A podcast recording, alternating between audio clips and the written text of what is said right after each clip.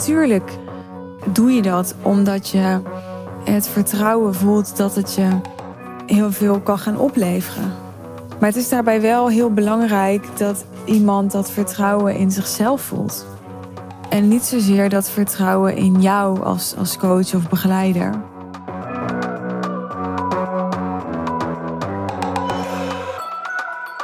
Misschien herken je jezelf er wel in of hoor je wel eens bij andere ondernemers dat ze zo blij kunnen zijn als hun klanten voor hen kiezen om hen, om wie zij zijn.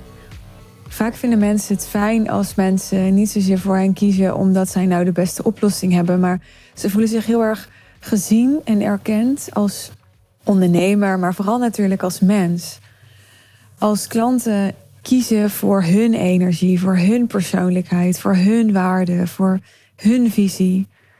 Dat voelt natuurlijk ook heel veilig, want je weet, ja, andere mensen kunnen aanbieden wat ik aanbied. Ze kunnen uh, dezelfde oplossing leren toe te passen als die ik toepas bij mijn klanten. Maar ze kunnen niet zijn wie ik ben. Dus als mensen kiezen voor wie ik ben, dan heb je in ieder geval gevoelsmatig veel minder last van concurrentie bijvoorbeeld. En ik denk ook dat het heerlijk is als mensen echt kiezen voor jou. En misschien niet alleen voor jouw persoonlijkheid en jouw, jouw waarde en jouw energie. Ook om wat ze met je willen bereiken. Ik denk dat dat, dat dat ook echt heel belangrijk is. Want anders ja, kan de investering die ze in je doen neigen naar een soort gebakken lucht. Want dan willen ze misschien alleen maar in je investeren omdat ze jou als persoon zo tof vinden en dichtbij je willen zijn. En ik denk dat dat de verkeerde beweegreden is om een grote investering te doen. Ik denk dat jij iets met jouzelf wil bereiken, dat jij zelf iets moet willen realiseren, dat jij zelf een ambitie moet hebben en voor een, een voor jou belangrijke transformatie moet willen gaan.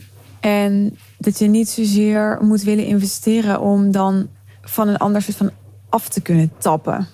Waarbij ik juist zelf vaak zeg van nou, als je in de real deal komt, hè, dan kom je onder mijn vleugels. Dus dan, dan kom je in mijn energie en hè, dan gaat mijn mindset bij je beklijven. En ik weet dat alleen dat al heel veel doet.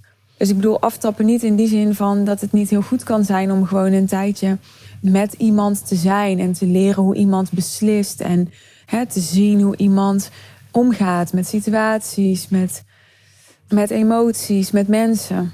Maar hoe stevig sta jij zelf? Dus sta jij zelf stevig en kijk je vanuit overvloed van oké, wat kan ik leren van een ander? Wat kan ik bij een ander halen? Of ben jij heel onzeker? Zit er heel veel gebrek aan eigenwaarde? Zit er een gebrek aan vertrouwen?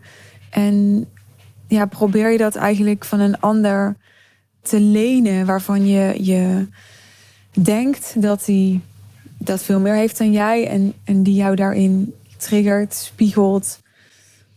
Anderen die zijn een spiegel van onze schaduwkant. Hè? Dus wat er heel vaak gebeurt is dat op het moment dat jij bijvoorbeeld een, een gebrek aan eigenwaarde hebt in jezelf, bewust of niet onbewust, dan zul je aangetrokken worden tot mensen die daarin wellicht tegenovergesteld zijn of voelen voor jou. Maar dat is allemaal projectie. Hè? Dus dat, dat, het, of dat die mensen daadwerkelijk veel meer zelfvertrouwen of eigenwaarde hebben of zo, dat, dat is nog maar de vraag. Het is iets wat, wat jij op hen hebt geprojecteerd.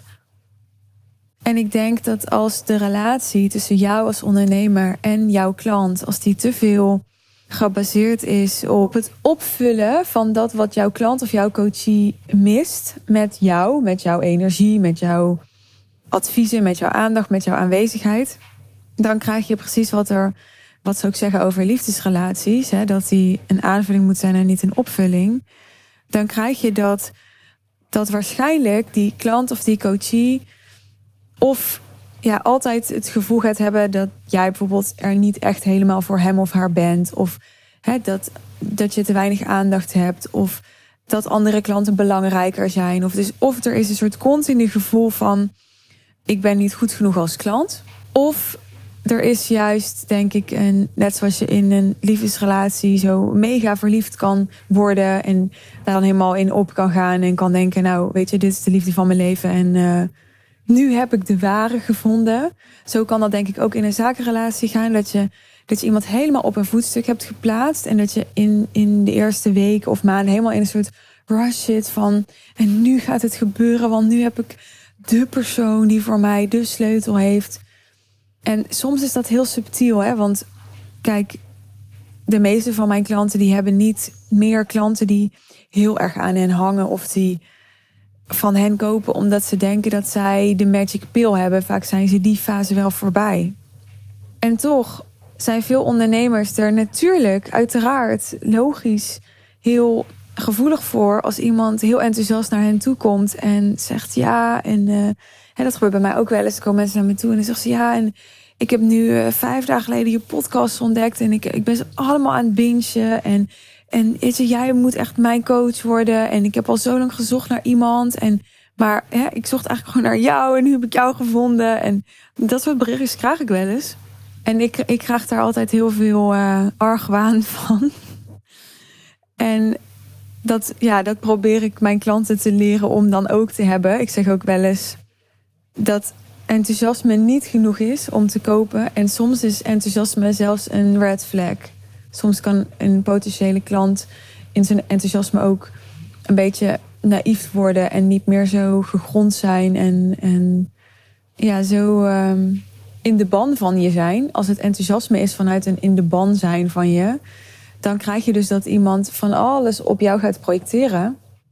Waardoor jij later ook de boeman bent als het dan minder gaat dan verwacht of anders gaat dan verwacht. Of als iemand ja, opeens met zichzelf wordt geconfronteerd en hoewel die misschien rationeel ook wel wist en verwachtte dat dat ging gebeuren, emotioneel daar eigenlijk helemaal niet mee overweg kan gaan.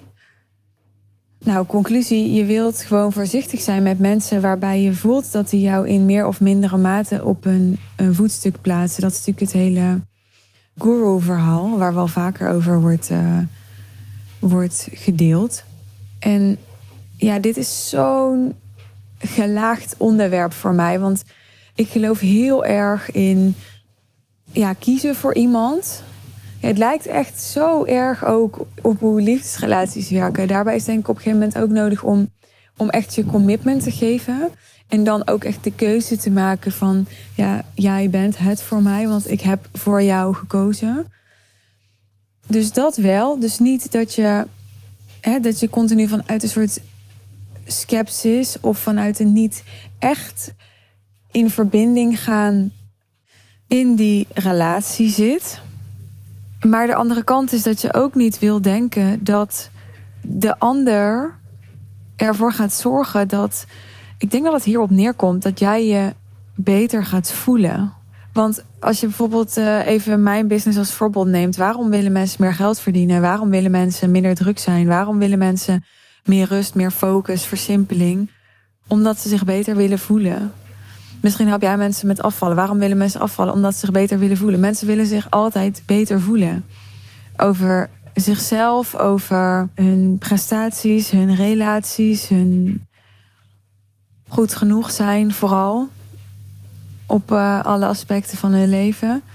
En zodra je dus echt vanuit een ik voel me niet goed genoeg stuk een relatie aangaat, en dat is ook een coach-coachie relatie, met de verwachting: oké, maar dit programma en deze coach en deze omgeving, deze community, deze tools, die gaan mij brengen wat ik nodig heb om me beter te voelen. Kijk, natuurlijk mag je die verwachting hebben, want waarom investeer je er anders in? Natuurlijk doe je dat omdat je het vertrouwen voelt dat het je heel veel kan gaan opleveren. Maar het is daarbij wel heel belangrijk dat iemand dat vertrouwen in zichzelf voelt. En niet zozeer dat vertrouwen in jou als, als coach of begeleider. En daarom heb ik ook wel eens in een podcastaflevering gezegd: het is moeilijker om met starters te werken dan om met gevorderden. Dat heeft onder andere hiermee te maken. Mensen die al ergens succesvol in zijn, dat hoeft niet per se een business te zijn. Het kan ook in loondienst zijn, maar dat kan ook het van gezondheid zijn, maakt niet uit. Die, die hebben al een zekere mate van zelfvertrouwen daarin. Die weten al dat ze, dat ze niet afhankelijk van jou zijn om successen te bereiken en zichzelf te overwinnen, want dat hebben ze al zonder jou gedaan. Dus je komt bij meer succesvolle mensen veel minder tegen dat ze jou, hoe subtiel ook, op een voetstuk plaatsen. Of dat ze dus van alles op jou projecteren. Dat doen we toch wel hè, als mensen, dus daar, daar zijn we helemaal nooit vrij van. Nou goed, waarom maak ik deze aflevering? Ik denk meerdere redenen. Allereerst wil ik, als jij wel eens van je voetstuk dondert bij een klant, echt zeggen dat dat niks met jou te maken heeft, of met hoe goed jij bent, of waarin jij eventueel gefaald hebt. Hooguit met waren er al red flags, waren er al aanwijzingen, zijn er al eerder in die samenwerking dingen scheef gegroeid, waar je van kunt leren voor volgende keer, die je nu eerder bespreekbaar zou maken. want je kunt het ook gewoon bespreekbaar maken op het moment dat je signalen krijgt dat iemand dus jou eigenlijk een, een veel te grote rol aan het toedichten is. En dat iemand dus dingen op jou aan het projecteren is, ja, dan, dan kun je het daarover hebben. En hoe eerder je dat doet, hoe, hoe beter je damage control is. Maar ook hoe beter je traint om dus in situaties waarbij je voelt: oké, okay, something's off hier direct je leiderschap te pakken en dat niet maar een beetje te laten versloffen totdat een klant echt een keer boos op je is, bijvoorbeeld.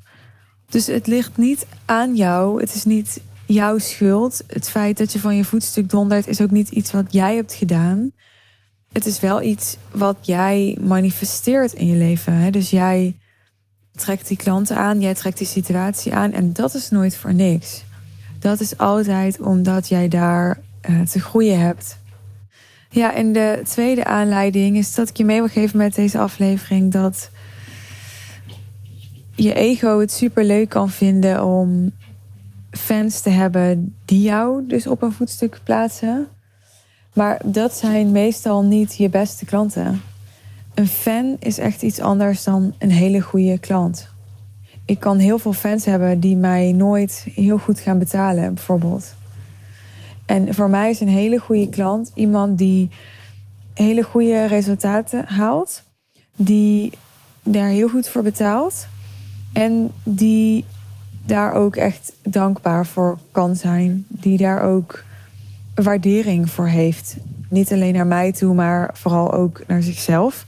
En zo'n hele goede klant hoeft dus helemaal niet per se degene te zijn die ik qua persoonlijkheid het allerleukste vind. Of ja, met wie ik uh, het, het, het, het meest contact heb. Of die, ja, in mijn geval bijvoorbeeld het meest trouw mijn podcast luistert en zo. Dat, dat zijn dingen die. Ik, ik vind dat allemaal hartstikke leuk. Ik bedoel, ego houdt van, van aandacht en van erkenning en van.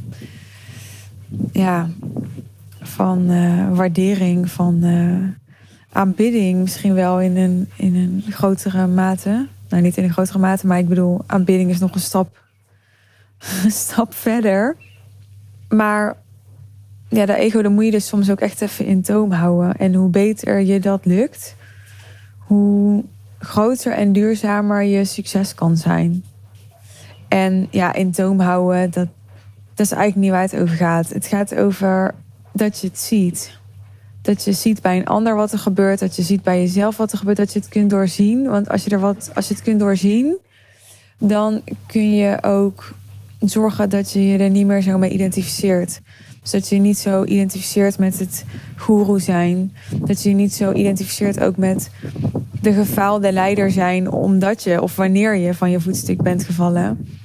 Dan kun je zien dat het gewoon, weet je, dynamieken zijn die, en, en mensen zijn en situaties zijn die komen en gaan en, en die niks zeggen over, over jou in essentie. Ik hoop dat dit helpend voor je was. Ik ben heel benieuwd wat je hieruit herkent en wat je hieruit meeneemt.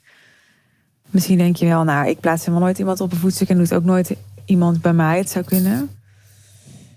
En op een voetstuk plaatsen, dat klinkt gelijk vrij adorerend. Maar zoals ik eerder al een paar keer zei, het kan soms heel subtiel zijn. Het, het kan al een, een, een verwachting zijn. Daar kan het hem al in zitten. Een verwachting over de ander. Dankjewel dat je tot hier geluisterd hebt weer deze aflevering. Als je fan bent, dus aanhalingstekens van de podcast, dan uh, zorg dat je je abonneert of dit uh, podcastkanaal volgt als je dat nog niet hebt gedaan. En je wel op de hoogte wilt blijven van toekomstige afleveringen. Want als je dat niet wilt, moet je dat vooral niet doen. Plus, in dat geval zou ik het enorm waarderen als je mij een um, 5 sterren review wilt geven op uh, Spotify of op iTunes. Zodat uh, andere mensen kunnen zien hoeveel fans ik heb. oh, leuk hè? Dit soort zelfspot. Vind ik wel. Nou, ik wens je een, um, een mooie dag. Een goede week weer. Succesvolle week. Kom dus gerust in mijn DM's als je wilt reageren. En heel graag tot de volgende aflevering.